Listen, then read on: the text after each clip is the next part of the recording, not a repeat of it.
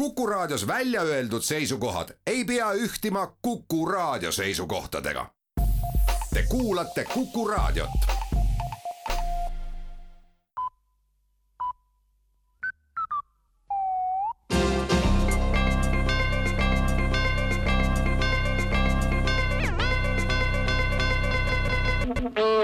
tere kuulama uudiseid stuudios Rohke Develak täna hakkab Riigikogu arutama seaduseelnõud, mille kohaselt pannakse avalikule enampakkumisele tasulised kohad Riigikokku, mis tähendab, et alates järgmisest Riigikogu koosseisust oleks üksteist kohta Riigikogus tasulised ning erakonnaliige või üksikkandidaat, kes valimiste teel Riigikokku ei pääsenud, aga seda endiselt väga soovib, saaks asuda tasulisele kohale. tasulise Riigikogu liikme koha hind sõltub avalikust enampakkumisest, ent ei ole eelnõu kohaselt vähem kui kümme tuhat eurot kuus tasulised kohad aitavad rahastada Riigikogu ning vähendada riigieelarve osa Riigikogu funktsioneerimises. kaugemas tulevikus on plaanis kogu Riigikogu tasuliseks muuta.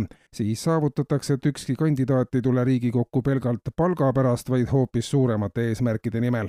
poliitilisi jõujooni tasuliste kohtade kaudu koostatavas Riigikogus uuendus ei muuda, sest ka praegu saavad kõige rohkem hääli need erakonnad, kellel on kõige rohkem raha kaitseministeerium aga annab teada, et valmis on saanud ulatuslik Eesti kaitsevõime uuring, mis näitab olukorra positiivset seisu. kuigi kaitsevõime merel võib olla lünklik, siis rannakaitse on juba korralik ja suuresti tagatud maaomanike poolt, kes on liiklemiseks sulgenud kõik teed. kui vaenlane randub, ei ole tal kuigi kerge leida teed, millel liiklemist ei oleks eraomanik ära keelanud ja tee kas vastavate märkide, tõkkepuude või kivimürakatega tõkestanud ka sisemaal on üha enam piirkondi, mis on eratee või eramaa märgistusega ja nii ei ole potentsiaalse agressori liikumine ka seal lihtne. ka on täheldatud, et eramaad on inimesed sageli valmis kaitsma kangelaslikumalt kui Eestimaad peatselt aga jõuab Riigikokku Keskkonnaministeeriumi poolt koostatud eelnõu, mis võimaldaks igal inimesel oma saastekvoote müüa täpne saastamismooduste loetelu on koostamisel, lisaks seni laialt kauplemiseks kasutatud saasteliikide kõrval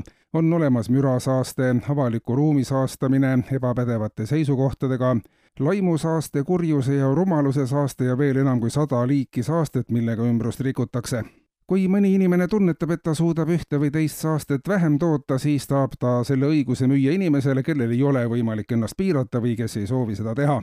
omavahelise kauplemise tulemusena saab saastevaba inimene puht inimliku käitumise eest esmakordselt nüüd raha teenida. indiviidid aga, kelle eksistentsiga kaasneb rohkelt erinevat saastet, saavad selle rahaliselt kinni maksta. eraisikute vaheline saastekvootide müük algab juba veebruarikuu alguses ja Maanteeamet annab teada, et kuulutab välja riigihanke kõikidele nõuetele vastavate hangede soetamiseks talve teiseks pooleks. hange, hange peaks korralike riigihangedega varustama terve Eesti, seni on hanged igal talvel ise tekkinud, neid on, kuidas juhtub, suuremaid ja väiksemaid ja väga ebaühtlaselt üle terve riigi, hange hankega aga see probleem laheneb. korralike hangede soetamine on siiani seisnud ka peamiselt riigihangede seaduse puudumise taga, mis ei ole täpselt seda küsimust reglementeerinud ja see on soodustanud kontrollimatute hangedega hangeldamist, teatab Maanteeamet ja seetõttu on praeguseks vaid nädalakese eest paigaldatud hanged kadunud ja praegu ei olegi selge, millal jälle uued saab. kuulsite uudiseid